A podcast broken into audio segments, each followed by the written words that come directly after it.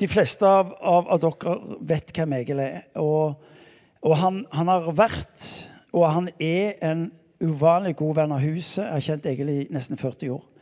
Og, og, han er en venn av huset. Men det, det som også er faktum, det er at uh, det virker som hele det norske folket er venn av Egil. Altså, Vi var innom en kafé på, på, på fredag, og, og, en kom og hilste på meg som jeg var sammen i Speina for mange mange år siden. sa men du hilser på min venn Ja, nei, jeg vet jo hvem han er. Han går verken i kirke eller bedehus, men jeg vet jo hvem han er. Eh, og Eh, det for en mann som Egil skulle altså dag etter dag, uke, måned, år etter år eh, å være så mye alene om det som er så viktig for så mange mennesker. Folkens, det, vi, vi, må sørge for at uh, han har den sagt, ryggdekningen, uh, den uh, kraft han trenger for å kunne leve dette. Og vissheten om Paulus sier 'be for meg'. Be for meg til å skal åpnes dører for meg. Og vi vil gjøre det samme for, for Egil. Vi vil at han skal, Når han tenker Stavanger, skal si, det er en god plass å være, men kanskje enda viktigere Det er mennesker der som, som, eh, som Skriften sier, som har løfta sine hender og, og velsigne meg for at jeg skal få lov til å se eh, mennesker og samfunn forandre. Så vi vil gjerne at dere skal reise dere, og så skal dere få lov til eh, og Hvis noen av dere vil komme fram og legge hendene på, på Egil, så gjør dere det.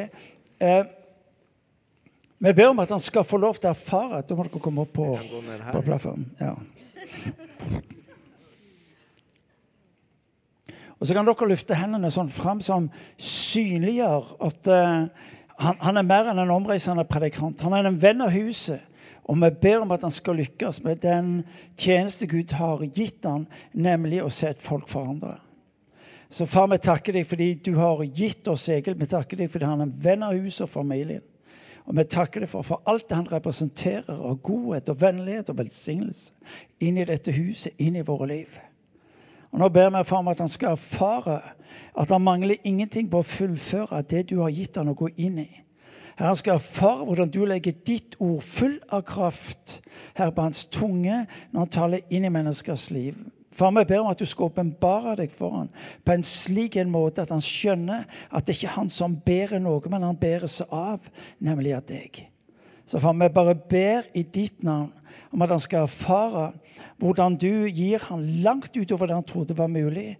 Eh, la han erfare, Gud, at du er den Gud som berører langt utover det som han så for seg kunne gå an. Herre, fordi du, Gud, er den som har kalt ham til å gå. Og Nå ber vi far om at han skal erfare at du forløser Jesus av din ånd. La han erfare Gud, at selv om han holder på å bli gammel, så skal han erfare Gud at han egentlig bare har nettopp har begynt. Og at han er ved begynnelsen av en tjeneste som skal berøre et folk som ikke har sagt nei til deg, Jesus. De er bare litt usikre på hvordan du ser ut. Og nettopp gjennom hans bilder, gjennom hans språk, gjennom hans tjeneste, får vi se Gud, hvordan mennesker våger å stå opp og begynne forandring med deg. Herre, det er det vi ber om, og vi velsigner han i ditt navn. Takker deg, Gud, fordi du har sagt alt er mulig. Alt er mulig, Gud, fordi du er Gud, og det er du som har bedt han om å gå. Så vi velsigner han i ditt hellige navn. Amen. Og folket det sa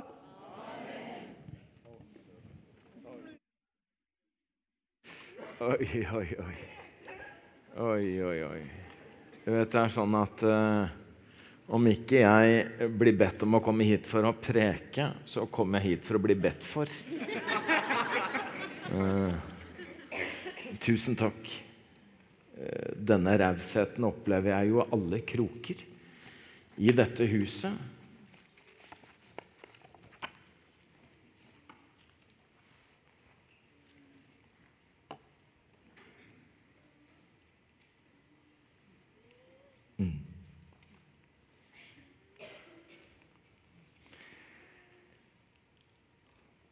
Det kan over tid skapes en kultur, skapes et miljø hvor eh, man bare preges.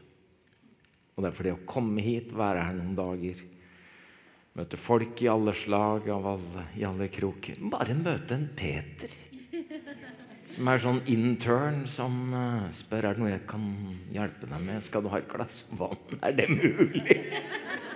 Du kommer til å få en profets lønn. Møte en Hanne som jobber med skjerm, og vi hadde tekniske problemer i går og syntes det var vondt å leite, at vi liksom ikke kunne gi det beste vi hadde. Og så er det en raushet i alle lag. Tusen takk skal dere ha. Det er godt å være her. Og jeg kommer jo gjerne igjen. Det gjør jeg virkelig. Jeg gjør virkelig. Tusen takk skal dere ha. Tusen takk skal dere ha.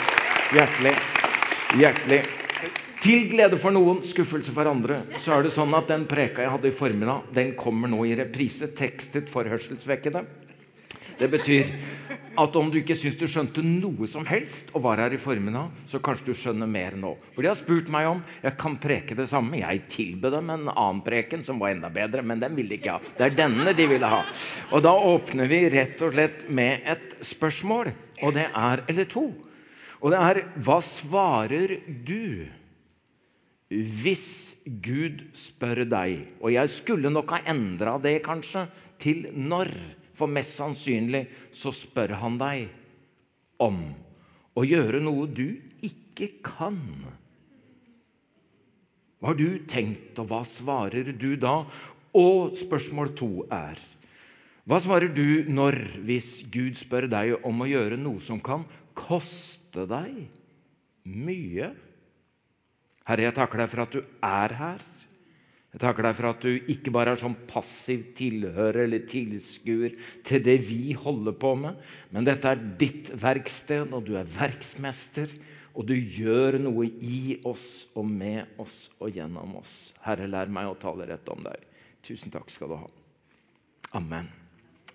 Og Så skal vi inn fra disse spørsmålene og så skal vi møte Maria Jesu mor, en av hovedpersonene i julefortellingene. Og Da tenker jeg det er fint på denne første søndag i advent å se litt på hvordan Maria responderer på det budskapet og de spørsmålene som hun fikk. Jeg vet jo såpass, selv om jeg er pinsevenn, at denne teksten egentlig er på Maria budskapsdag, eller bebudelsesdagen. Såpass har jeg fått med meg også. Og da skal man jo åtte måneder tilbake fra i dag, hvis det er omtrent julaften Jesus skulle bli født. Men jeg tenker at dette er din bebudelsesdag. Eller det er ditt budskapsdag. For alle har jo på et eller annet tidspunkt hørt noe som satte oss på et valg og som gjorde at vi måtte bestemme oss. Ja, nei, kanskje.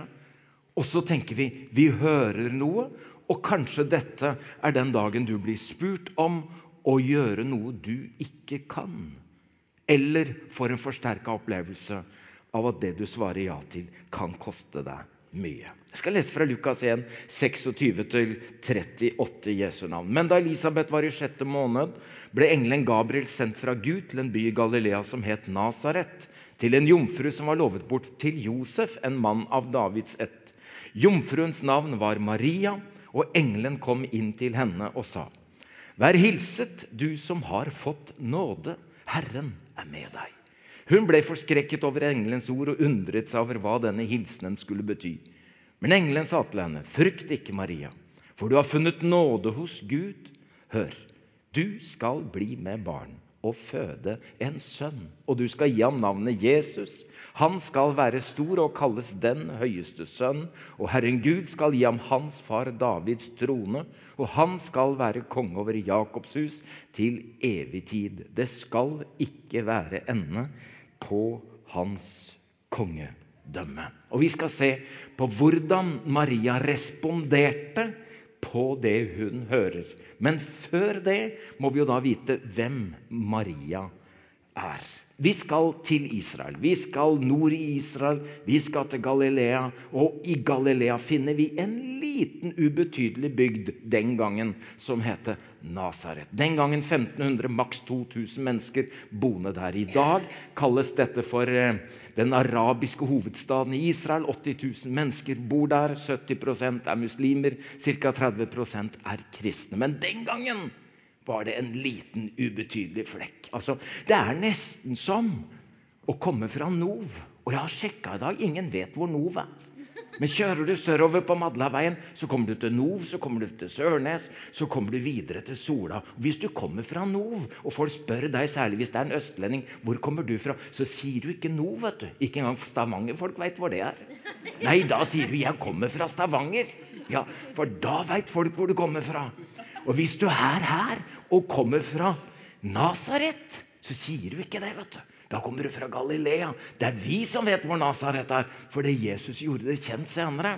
Sånn at Philip, når han sier til Natanael Du må komme, Philip. Du må komme, For vi har funnet han. Vi har funnet Messias. Det er han som Moses og profeten har snakket om. Det er Jesus fra Nasaret som er Messias. Han får Nathanael seg en god latter. Det er ikke mulig! Det kan jo ikke komme noe godt fra Nasaret. Det er jo som om han kommer fra nord. det. Ja, Det er jo ingen som veit hvor det er. Men Gud er veldig godt geografisk orientert. Han har funnet folk på bortgjemte plasser gjennom hele historien. Ja, Hvem er det som visste om et jorde på tunet i Østfold? At der gikk det en ung gutt og pløya? Gud er veldig kjent. Og du kommer aldri til å gjemme deg bort, for Gud vet hvor alle steder er. Og Der skal vi treffe ei jente som mest sannsynlig er så ung som 13-14 år. Hvorfor det? Fordi hun lever i en kultur hvor det er vanlig at man blir bortgiftet så fort man er kjønnsmoden. 13-14 års alder. Hvis det er sant, så er Maria den personen i historien som har fått det viktigste og vanskeligste oppdraget. Og Gud har betrodd det til ei ung, ukjent tenåringsjente fra et ukjent sted. Det er stort. Jeg vet jo at historien vil det til at moren til Maria heter Anna, og at faren heter Joakim, men det er bare tradisjoner, og det er noe man tenker Hun kommer sikkert fra noen kjente folk, men ingen vet. Du kan ikke lese noe i Bibelen om det. Nei. Kom fra et lite sted. Jeg vet ikke hvor du kommer fra, men Jesus vet hvor det er. Og så kanskje du kommer fra en litt ukjent familie. Det gjør ingenting. Han vet hvem du er. Halleluja for Jesus. Sivilstatusen hennes er at hun er lovet bort. Før så het det trolovet. Vi kalte det ofte forlovelse. En slags periode hvor man har bestemt seg for at man skal gifte seg. Og sånn var det. Det var så forpliktende at om Josef hadde dødd i trolovelsesperioden, så hadde Maria blitt regnet som enke. Men de kunne ikke ha sex før ekteskapet, før de var offentlig og offisielt gift med hverandre. Hennes sosiale status var mest sannsynlig at hun var fattig. Og Det er noen indikasjoner på at Maria kom fra fattige kår. Fordi når de etter 40 dager etter fødselen, skal, altså etter renselsesdagene, etter, etter Mose lov, skal bære Jesus fram i tempelet i Jerusalem, så ofrer de to turtelduer eller dueunger. Og det er en ordning i loven for fattigfolk. For de som hadde penger. og iallfall hadde litt mer enn dem, de, de, de ofret gjerne litt mer kostbare dyr, som en vær eller noe sånt noe. Men Josef og Maria de ga de fattiges offer, og i lovsangen hennes senere så står det at hun sier For han har sett til sin tjenestekvinne i hennes fattigdom. Og Da må vi spørre hvem var dette barnet som hun skulle bære fram. Ja, det skulle selvfølgelig være et menneske, et menneskebarn. Men hun skjønner med en gang at dette er noe mer enn at hun bare skal bli gravid. Hun skal bli gravid med Gud. For han skal kalles den høyestes sønn. Og englene sier han skal være hellig og kalles Guds sønn. Altså, Engelen bruker ikke begrepet, men det som i all tid har blitt det store mysteriet, det er jo inkarnasjonen. At det er 100% Gud og 100% menneske. Gudesønn og menneskesønn på samme tid. Altså født av et menneske, men det er Gud. Og dette er jo grensesprengende når engelen sier at han skal være konge over Jakobs hus til evig tid. Og det skal ikke være ende på hans kongedømme, verken i tid eller i rom. Og hva skal han hete? Jo, du skal gi ham navnet Jesus. Jesus kommer av det hebraiske Jeshua. Jeshua betyr Gud frelser. Dette var så viktig at Josef får beskjed om det samme. At dere må gi ham navnet Jesus. For han skal frelse sitt folk fra deres synder. Jeg vet ikke hva du forbinder navnet Jesus med, men veldig mange mennesker over hele verden forbinder navnet Jesus med at Gud frelser. Du vet, Det fins mange som har startet ulike religioner, store og små, gamle og nye. Og det fins massevis av religiøse ledere. Disse vil alltid se på seg selv og andre som åndelige guider, som veiledere, som hjelper folk inn i et religiøst, åndelig liv, gjerne i et rikere liv, dypere liv, og inn i nye dimensjoner. Men det er bare om én, eneste én, det er sagt, at han skal frelse sitt folk fra deres synder. Resten har bare det å si at du får frelse deg sjøl. Men han skal kalles Jesus. Det syns jeg er fantastisk flott. Da skal vi se på Marias respons på dette. Kanskje jeg får lov å legge inn en liten en. At Maria kom jo senere opp til Elisabeth. Da har hun vært gravid bare noen dager. Og Elisabeth sier til Maria, som nå er altså gravid med Jesus bare noen dager gammel. Da sier Elisabeth, hva skyldes dette at min Herres mor kommer til meg? Denne høsten har vi hørt diskusjonene om 12 uker eller 24 uker, tvillingabort 2C. Vi vet at det snakkes om kvinnens kropp. Men er det noe mer enn en kvinnekropp? Når Elisabeth allerede i møte med fosteret i Marias mage kaller dette fosteret for sin herre. Hvordan responderer Går det bra med dere? Ja, jeg preker folk til stillhet i håp om at de ikke sovner helt. Men Marias respons Er dere klare på det? Altså, Hun var fra et lite, ukjent sted. Hun er selv ukjent, blir allikevel verdenskjent. Noen kaller henne Madonna, andre kaller henne Guds mor.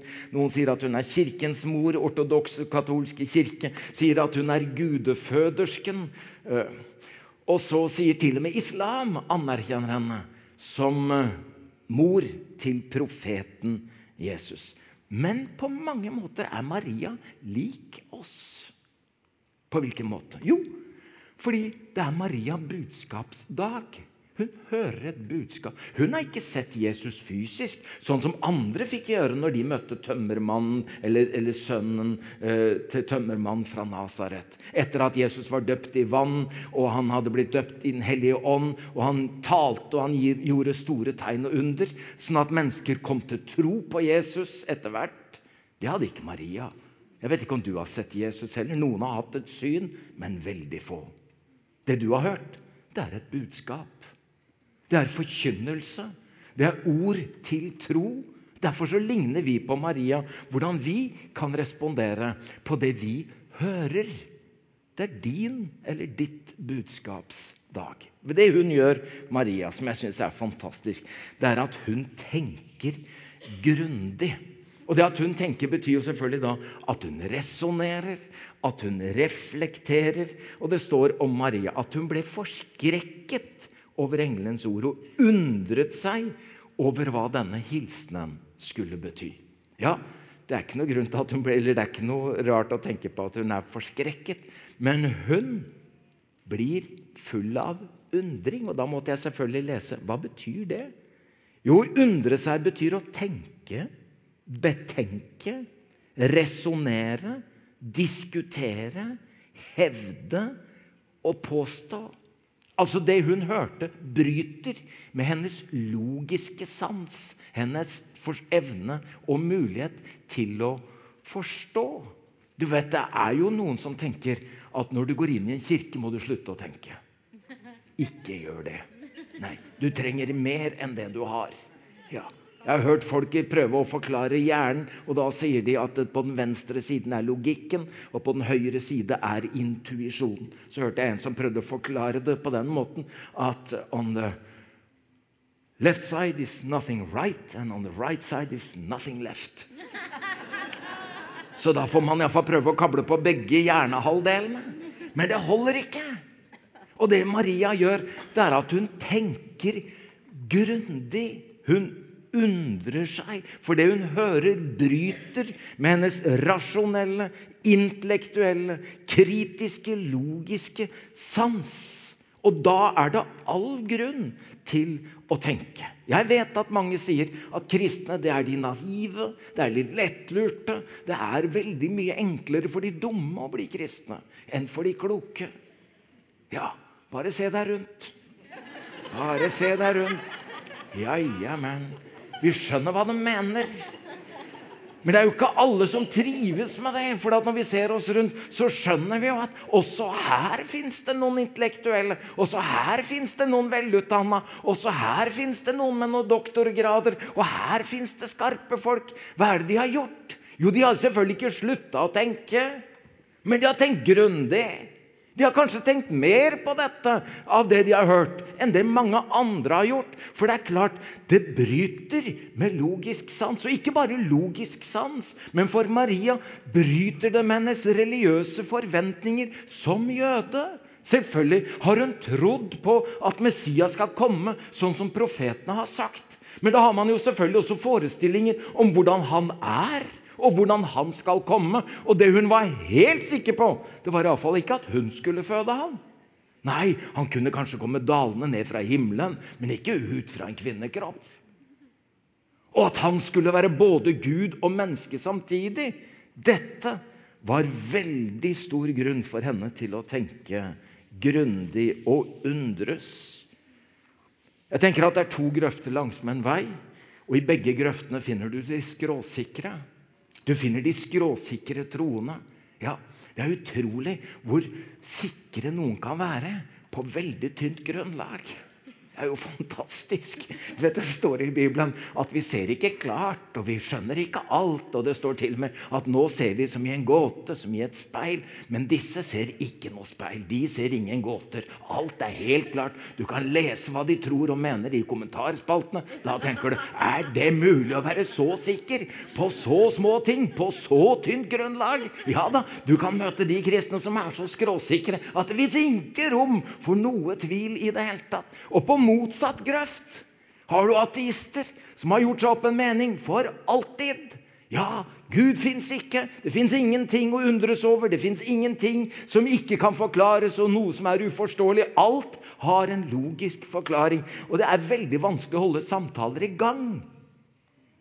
Men mellom der fins det et stort rom for at noe kan ikke forstås eller forklares enkelt. Det er all grunn til å tenke, og det er all grunn til å undres. Og det er all grunn til å ta seg en ekstra runde. Og for Maria så var ikke dette bare én gang at hun hadde tenkt ferdig, men det preget henne. Snart kommer jo gjeterne inn, og så forteller de hva de har sett og hørt. Og da står det om Maria. Hun gjemte dette i sitt hjerte, og så grunnet hun på det. Og når Jesus ikke ble med dem når han var tolv år gammel, hjem etter feiringa i Jerusalem, så finner de endelig Jesus etter tre dager. Og da sier Jesus, 'Visste dere ikke at jeg måtte være i min fars hus?' Og da står det Maria gjemte dette i hjertet sitt. Hør her. Det er ikke bare før du blir en kristen at du må tenke litt. Du kommer til å få mye å tenke på. Ja, Du kommer til å få mye å tenke på. Og du kommer til å lese mange ord i denne Bibelen som bryter med veldig mye logisk sans. Og du kommer til å høre mange prekener som kommer til å utfordre deg intellektuelt. Det er all grunn til å tenke.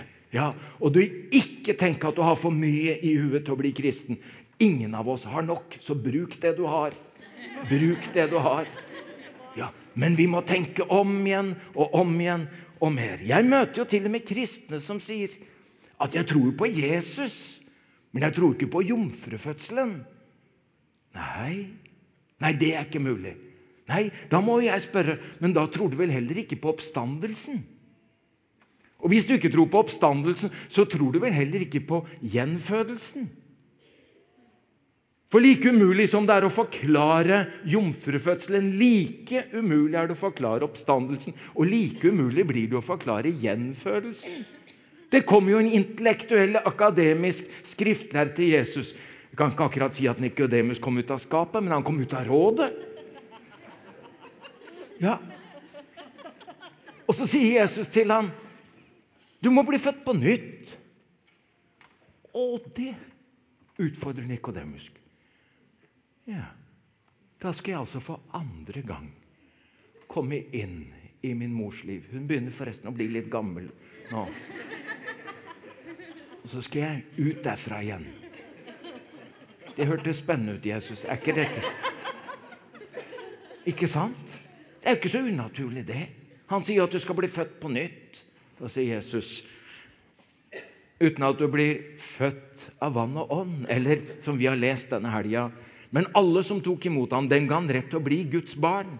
De som tror på hans navn. De er ikke født av kjøtt og blod, ikke av menneskers vilje og ikke av manns vilje, men av Gud. Jeg tror altså at jeg er Guds barn fordi jeg ved Guds ånd har opplevd at Jesus bor ved troen i mitt hjerte. Det betyr at jeg har gått fra død til liv, fra mørke til lys, og at jeg er Guds barn, og at jeg er født av Gud og bærer det evige livet. Kan jeg forklare deg det? Nei. Kan du forstå det? Nei. Men kan jeg tro det? Jeg gjør det. Jeg tror på jomfrufødselen. Jeg tror på oppstandelsen. Jeg tror på gjenfødelsen og det evige liv. Det neste Maria gjør som jeg syns er fantastisk, det er at hun stiller spørsmål. Det syns jeg er strålende. Ja, jeg har jo også vært på seminar og kurs med kloke folk og hørt fantastiske foredragsholdere. Og så pleier de å gi en liten mulighet sånn til slutt. Er det noen som har noen spørsmål? Og det blir ofte veldig stille. Og det er jo en grunn til det. Det er jo ikke det at vi har skjønt alt han sier, eller hun sier. Men det er sånn at hvis jeg spør nå, så avslører jeg hvor dum jeg er. Ja, ja, men. Da snur alle seg. Å jaså, ja. Du skjønte ikke det engang, nei. Nei, det var der du var, ja.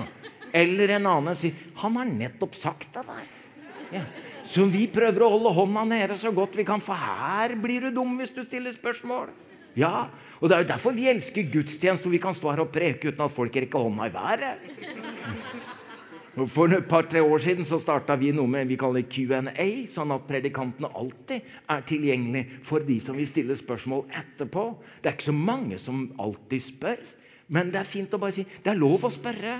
Vi kan invitere til alfakurs, hvor du hører et foredrag. Og i alfakurset så er det nettopp ingen spørsmål er dumme. Det er lov å spørre!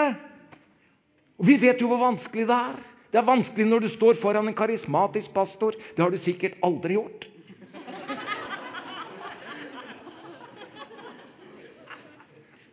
Det er jo som, nei, Vi har jo ikke lov å spørre da. Og noen overkarismatiske pastorer prøver å skape miljøer hvor det er forbudt å spørre. Og Hvis du står foran et menneske som til og med har en profetisk gave og en profetisk tjeneste, så sier du jeg tør ikke å spørre. Og Jeg vet ikke om det er mange her som har stått ansikt til ansikt med en engel. Altså Ikke denne lille som er på skulderen. Heller ikke denne rosa som er på skyen med den harpa. De kan du stille spørsmål om. Men nå står hun ansikt til ansikt med en engel. Og Hvis det er vanskelig å stille spørsmål til en foredragsholder, en karismatisk pastor eller et menneske med en profetisk gave, prøv da å tørre å spørre spørsmål til en engel. Tusen takk, Maria, for at du våger. At Maria sier til engelen, 'Hvordan skal dette kunne skje når jeg ikke har vært sammen med noen mann?' Og Jeg synes Det er så fantastisk at hun våger. At hun tenker, undres og tenker at jeg må ha et svar på hvordan dette skal foregå. Du må hjelpe meg med dette. Det er jo da hun hører først at Den hellige ånd skal komme over deg, og den høyestes kraft skal overskygge deg. Derfor skal det barnet du føder, kalles Guds hellige. Men hun skjønner jo ikke forklaringen heller. Men det er lov å spørre, og det er viktig.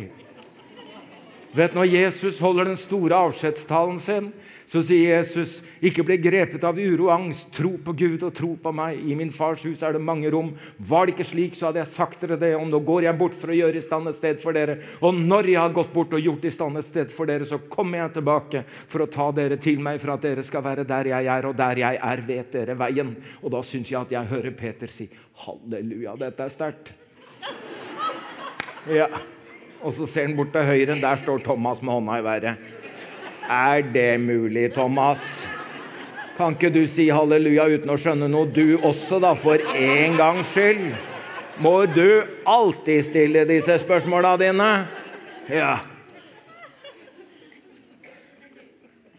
Og så er ikke Jesus redd for spørsmål. Og så er det så fint at Thomas tør å spørre at han blir tatt på alvor. Og så får vi et svar som ikke bare hjalp han, men som har hjulpet oss. Og jeg syns vi skal takke Maria for at hun våger å spørre. For hun spør ikke bare på vegne av seg selv, men hun spør på vegne av så mange av oss. For dette bryter med vår logiske sans. Vi skjønner ikke, vi forstår ikke, vi vet ikke, vi klarer ikke å forklare det. Men går det an å høre nok til at vi kan tro det, sånn at vi kan ha tillit til det. Og da sier engelen til Maria, for ingenting er umulig for Gud. Selvfølgelig er det umulig for deg, Maria. Selvfølgelig er det umulig for både deg og Josef. Men det er mulig for Gud. Og det rommet, det blir et større rom. Det blir et rom hvor vi ikke begrenser Gud til verken bare det vi forstår, eller det vi selv klarer å utføre, men et rom hvor Gud er større. Husker Arild Edvardsen sa det? Han forklarte om dette med å ha visjoner. Husker han forklarte på et sånt seminar jeg var, hvordan eh, de hypnotiserte Unnskyld at jeg sier dette. Hypnotiserte høner når han var tenåring. Jeg har ikke vært borti det. Men han sa det. Vi tok det i, arm, i, i vingene og beina, og så ga vi det en liten sving. Og så, så la vi det ned i grusen. Og så tegna vi en strek fram. Og da ble de så hypnotiserte av den streken. Og, han, og så vi, så vi hvor mange høner vi kunne klare å hypnotisere på en gang. Og la dem etter hverandre i grusen. Og til slutt så, så de ut som en helt alminnelig norsk menighet. Og så så han alltid opp, og så sa han Din visjon må være så stor at det er plass til Gud i den. Og din visjon må være så stor at du er avhengig av Gud for at den skal kunne oppfylles.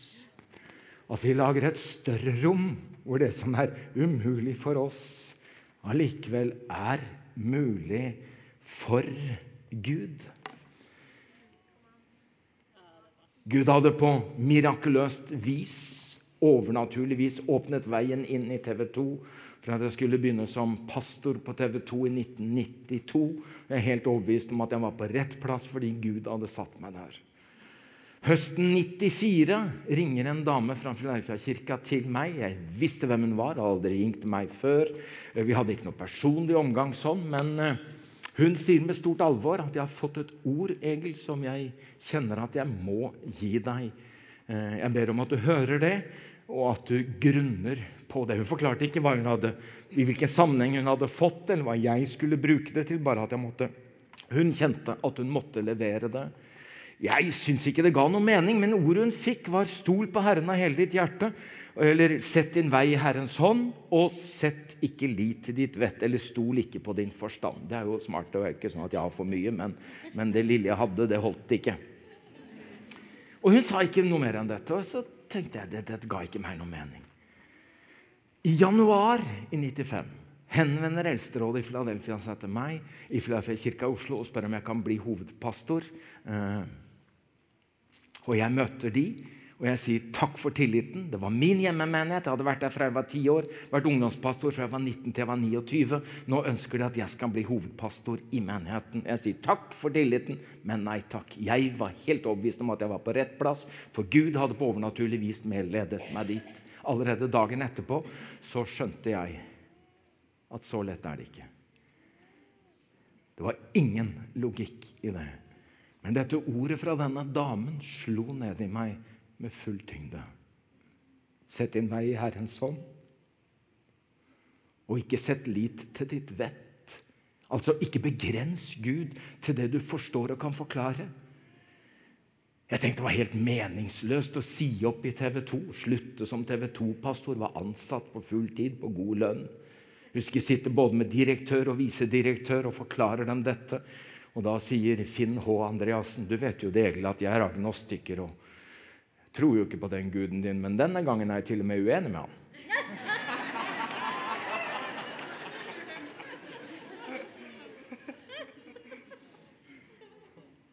Og kanskje jeg fikk det når dere ba for meg i stad.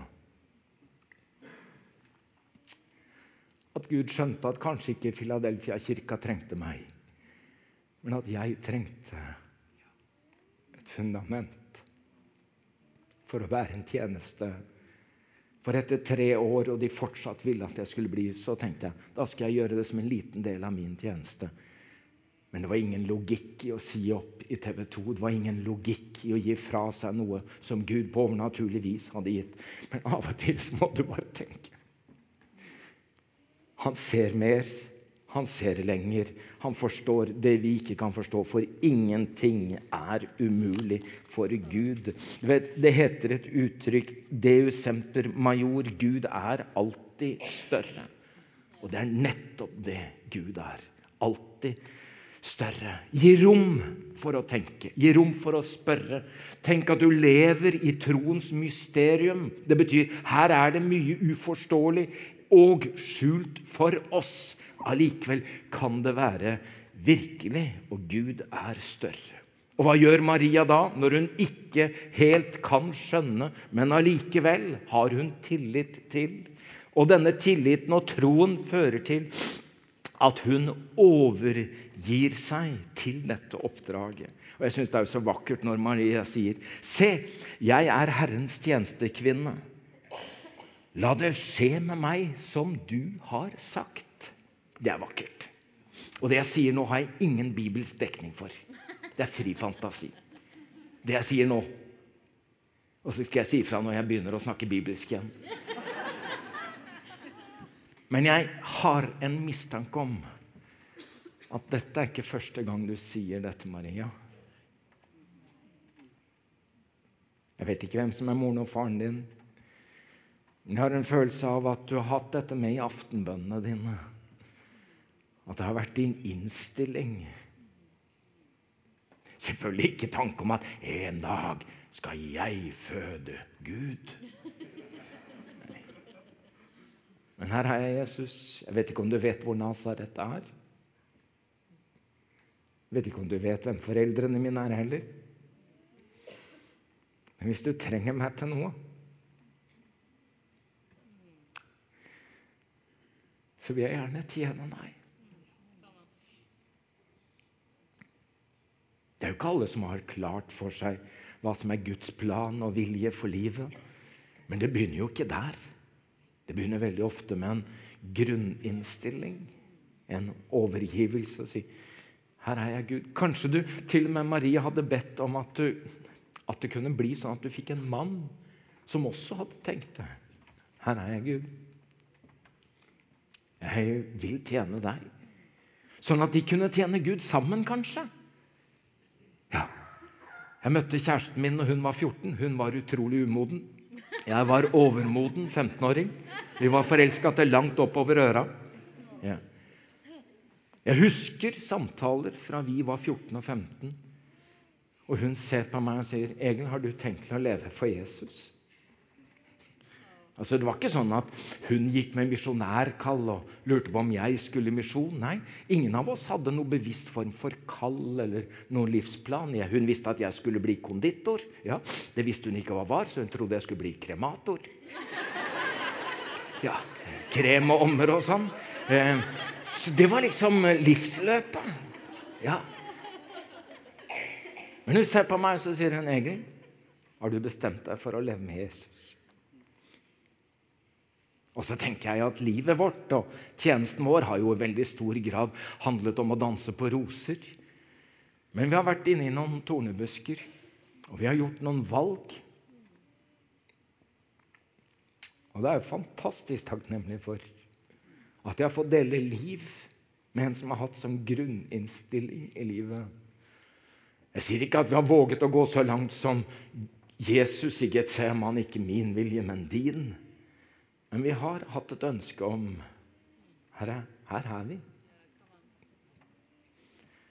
Og kanskje ditt budskapsdag ikke er mer enn akkurat det. At du kan si 'Jesus, jeg vet ikke'. Jeg vet ikke hva du tenker og hva du planlegger, men her er jeg. Jeg vil gjerne tjene deg.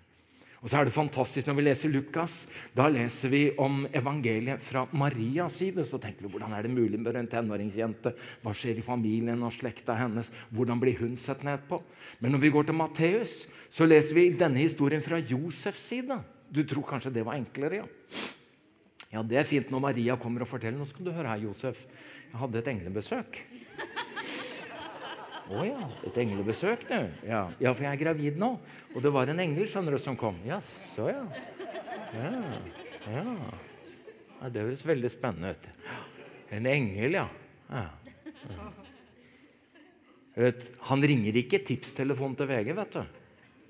Men han bestemmer seg for å skille seg fra henne i stillhet. Han har ikke behov for å gjøre skandalen større, men han eh, tror jo ikke på dette. Så han får englebesøk, og da bekrefter en engel at det Maria sier, er sant. Så tror han på det. Og Så får han beskjed om at han skal ta Maria til seg, og så skal han ta den sønnen som kommer, og gjøre han til sin egen, selv om det er Guds sønn. Tenk å være Josef, da. Snakke med kameratene sine. Nå skal dere høre her, Kona mi er gravid, og hvis dere klarer å telle til ni, så skjønner dere at vi kanskje har begynt litt tidlig. Så jeg har en forklaring på det. Det er en engel. Det høres ut som et innslag på Nytt på Nytt. Jeg vet det. Jeg vet det. Ja. Mm. Mm. Det kan hende at du også tenker 'hva sier de på jobben?'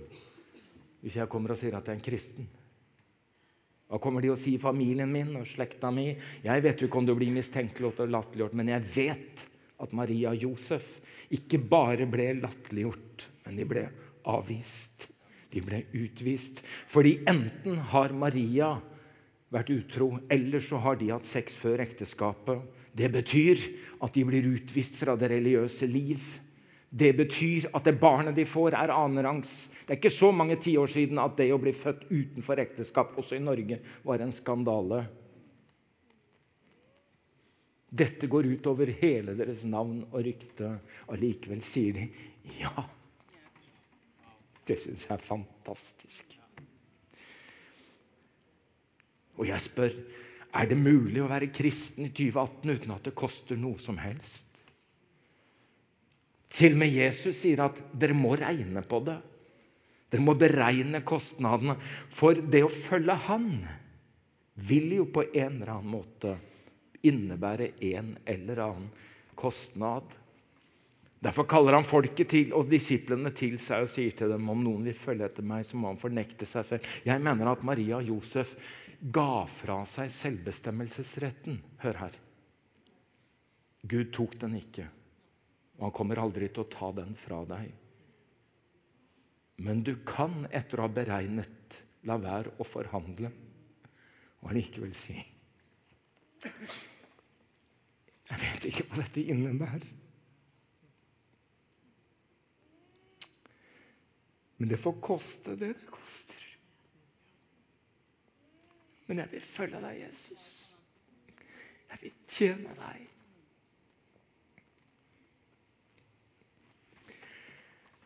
Wow! Bestemte meg for at jeg ikke skulle grine sånn i kveld. Eh, hun søker støtte. Det syns jeg er fantastisk etter dette. Du vet, Hvem skal hun snakke med om dette? Hvem skal en dele dette med? Hvem i hele tatt vil høre på henne, ta henne på alvor? Hvem vil forstå henne? Hvem er det du snakker med når noe hender i ditt liv? Enten en glede du vil dele, eller en smerte du ønsker hjelp til. Når noe skjer med deg, kanskje åndelig, kanskje mentalt, kanskje praktisk, teknisk, hvem er det du henvender deg til? Og Gud vet det! At han har ordnet det og gir en referanse. Slektningen din, Maria. Slektningen din. Jeg har alltid sett for meg Elisabeth som tante. Ja, Slektningen din, Maria. Du vet, Hun er kona til Zakaria, han presten. vet du. Ja, ja, ja, ja, ja. Tante Elisabeth, ja. ja. Du vet at De har jo ønsket seg barn i så veldig mange år, men du vet at det har hun jo ikke fått. Nei, Så alle vet det, at Elisabeth og Zakaria de får ikke barn. det. Nei, Det visste de selv også. Nå er det ikke sånn at det ble jomfrufødsel der, da. Men uh, Gud hadde hjelpa veldig til. Og så sier engelen til Maria Maria, Elisabeth er seks måneder på vei. Gå til henne. Hun kjenner Gud. Hun vet noe om Guds ånd, og så kjenner hun Skriftene, Maria. Hun vil forstå deg. Og da kommer denne fortellingen noen dager senere. Nå preker jeg utrolig lenge, men det er utrolig bra. Noen dager senere dro Maria av sted og skyndte seg opp i fjellbygdene til den byen i Juda hvor Zakaria bodde. Der gikk hun inn til Elisabeth og hilste på henne. og Da Elisabeth hørte Marias hilsen, sparket barnet i magen hennes. Hun ble fylt av Den hellige ånd og ropte høyt. Velsignet er du blant kvinner, og velsignet er frukten av ditt mors liv. Men hvordan kan det skje at min Herres mor kommer til meg, for da lyden av din hilsen nådde øret mitt, sparket barnet i magen min av fryd, og salig er hun som trodde, for det som Herren har sagt henne, skal gå i oppfyllelse. Og det skjer noe. Dette er et av de aller vakreste bildene jeg vet om. To generasjoner, en erfaren, moden kvinne som selv har opplevd at Gud har hørt hennes bønner, og bærer på han som skulle bli hetende Røsten, altså Johannes døperen. Og når røsten møter ordet i Marias mage, da slår han salto. For ordet og røst hører alltid sammen, selv fra før de har sett dagens lys. Men i dette møtet skjer det noe med Maria. Hun respekteres. Hun eh, bekreftes. Og så åpner det seg noen større perspektiv. Er ikke det flott? Du vet at du som bare tenker at Gud taler til deg på hybelen, og det er når du er helt aleine, og det er liksom Gud og deg. Jeg møter jo så mange som sier 'Jeg tror på Gud, men jeg har ikke noe sans for kirke'. Nei, jeg har veldig sans for Gud, men ikke bakkemannskapet. Har du hørt sånn arroganse?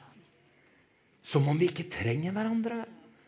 Som om når vi har fått noe av Gud, som Gud har talt oss om, bedt oss om, at vi ikke skulle dele det med noen. At vi ikke skulle søke hjelp hos noen. At ikke vi når vi snakker om det, ber om det, lovsynger sammen, at noe større skjer med oss. Og i dette møtet mellom Elisabeth og Mari så åpnes jo noen perspektiver. Og da begynner det som heter Marias lovsang, Magnificat, hvor nå kommer Guds ånd over henne. Og her kommer sitater fra Moses og fra profeter, og Jesaja er med. Og så er det som om den unge jenta ser hva hun er med på. Les den lovsangen. Du vet, Her er det økonomisk revolusjon, moralsk revolusjon. Her er det sosial revolusjon så det holder. Her er det skjønnhet, og her er det dynamitt. Og så skjønner hun hva engelen mente. Du har funnet nåde, Maria. Du vet at det kan hende at Gud ber deg om å gjøre noe som kan koste deg noe. Jeg kan ikke garantere deg et lett liv. Det fins enklere liv enn å tjene Gud. Det finnes også lettere liv enn å være en kristen og forklare hvorfor du er det. Men jeg har lyst til å høre ditt forslag på hva som er et rikere liv. Tenk at mitt liv er kobla til Jesus Kristus. Det har gjort mitt liv stort. Det er ikke fordi jeg er pastor på TV og noen vet hvem jeg er. Men jeg får lov å være kobla til Jesus. Du har funnet nåde. Det er en nåde å få tjene Gud. Og den storheten ser Maria.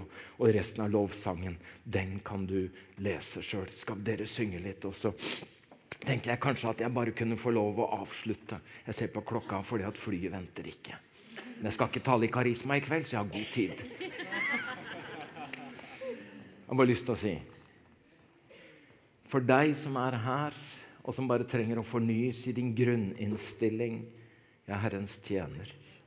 Jeg vet ikke plan, jeg vet ikke vilje, jeg vet ikke mønster. Aner ikke sted. Men jeg vil ha som grunninnstilling i livet jeg vil tjene Gud. Jeg har lyst til å be en bønn over deg. Og så tenker jeg på deg som Gud har talt til over tid. Hvisket deg i øret. Du ser det kanskje ikke klart, men har en fornemmelse av det er en vei å gå. Det er en gjerning å gjøre. Og Den begynner å demre og være klar, men den virker til å innebære noen utfordringer. Jeg hadde lyst til å be en bønn over deg. Kan jeg spørre om dere som kjenner det akkurat sånn, om dere kunne reise dere? Det, du må ikke, men, men, om du kjenner det akkurat sånn, om du kan reise deg. Du må gjerne spille litt, Øystein, hvis dere vil. Og så bare sier vi 'Kom, Hellige Ånd'.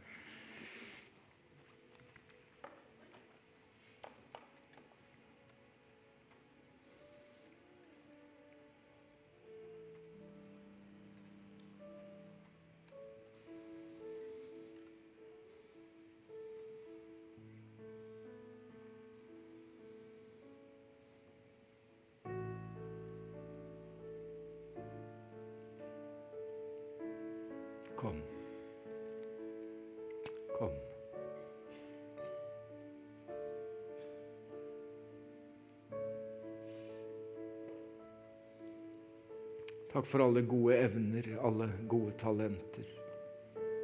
Men du ser her at det strekker liksom ikke til.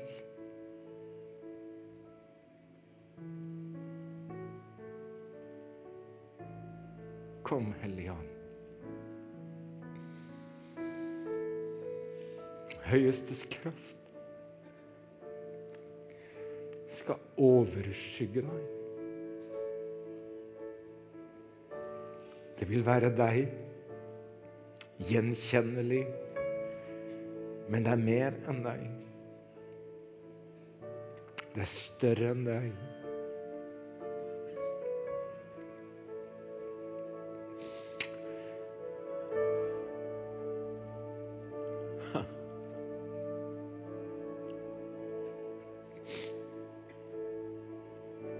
Takk for dører som åpnes.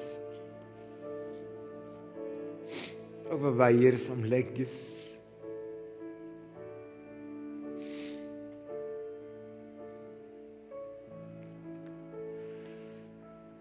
Her om ikke vi ser hele veien klart, så ber jeg deg om at du er en lykte for fot, et lys for sti, et stykke fram.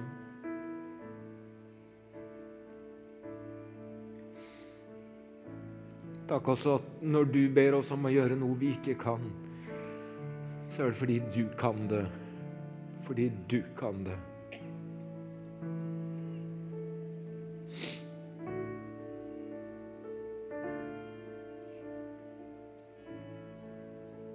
Vi bare holder hendene mot disse som står, og så velsigner vi dem. Kan vi det?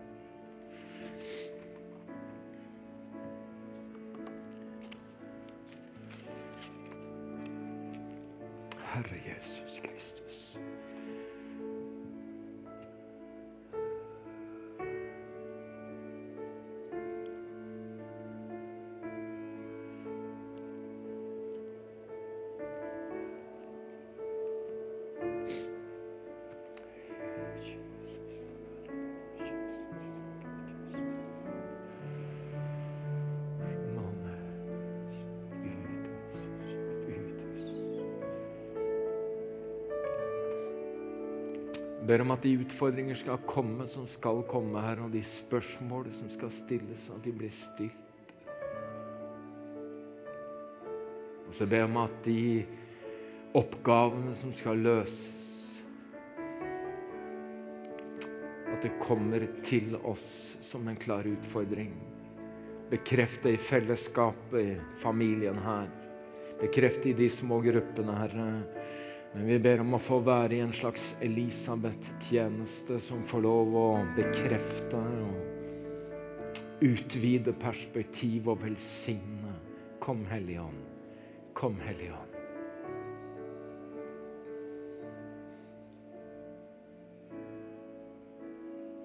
Skal vi reise oss alle? Skal vi fortsatt være i dette åndens verksted? Og jeg aner jo ikke om alle som er kommet hit, eh, tenker om deg selv at du er Guds barn, at du er en kristen. Det største miraklet er jo at noen går fra død til liv, blir født på nytt. At dette er ditt budskapsdag. At du har hørt. Og så er det spørsmål kan du, vil du tro. At du kan tro det, det er ikke så lett. Men om du har denne trosviljen og sier 'Jeg vil tro det, Jesus'. Jeg vil at du skal komme inn i mitt liv hvis du fins. Jeg vil at du skal komme inn i mitt hjerte. Hvis det er mulig Ja, det er ikke mulig for deg å bli kristen, men det er mulig for Gud å fødes inn i ditt liv så du blir Guds barn. Hvis du er her som ønsker å ta imot Jesus, så er det det største og viktigste som skjer. Kanskje vi skal bøye hodet, og så gir vi den muligheten også denne kvelden og si at hvis du vil ta imot Jesus, så løfter du hånda di så høyt at jeg ser den, så kan jeg bekrefte det. Og så vil jeg bare be en bønn. Hvis du er her som har hørt og vil tro og ta imot Jesus, og gå herfra og tenke at jeg vil være Guds barn, jeg vil ikke være usikker, jeg vil være trygg på dette. Jeg vil tro at jeg er Guds barn, og at mitt navn er skrevet i livets bok. Gud velsigne deg. Er det flere så? Vær tydelig sånn at jeg ser det, og så tar du et sånt steg hvor du sier ja, her er jeg. Gud velsigne deg. Så flott. Er det flere som løfter hånda di høyt, og så tenker jeg at hele himmelen står jo under trykk for å komme inn i hjertet ditt. Så åpner du deg, og så kommer Jesus på overnaturlig vis og blir født i ditt indre, og du blir født på nytt. Og Her borte vil det være folk som kan be for deg og snakke med deg. Uansett hva det gjelder, så er det gode folk her i meg som vil snakke med deg og be for deg. Møteplass der borte på høyre side når dette møtet fortsetter. Når vi er be for deg som har løfta hånda i været. Herre, jeg takker deg for at du ikke bare ser hender, men du ser hjerter. Og jeg takker deg for at det hjertet som åpner seg for deg, der går du inn. På overnaturlig vis skaper du liv, og vi tar imot det evige livet. Takk at du gir hver enkelt rett til å være Guds barn. Og da er vi ikke født bare av manns og kjøtts vilje, men vi blir født av Gud. Takk skal du ha, og at du gjør det nå. Amen. Amen. Amen. La Hanne Therese si litt etterpå hva vi kan gjøre med dette.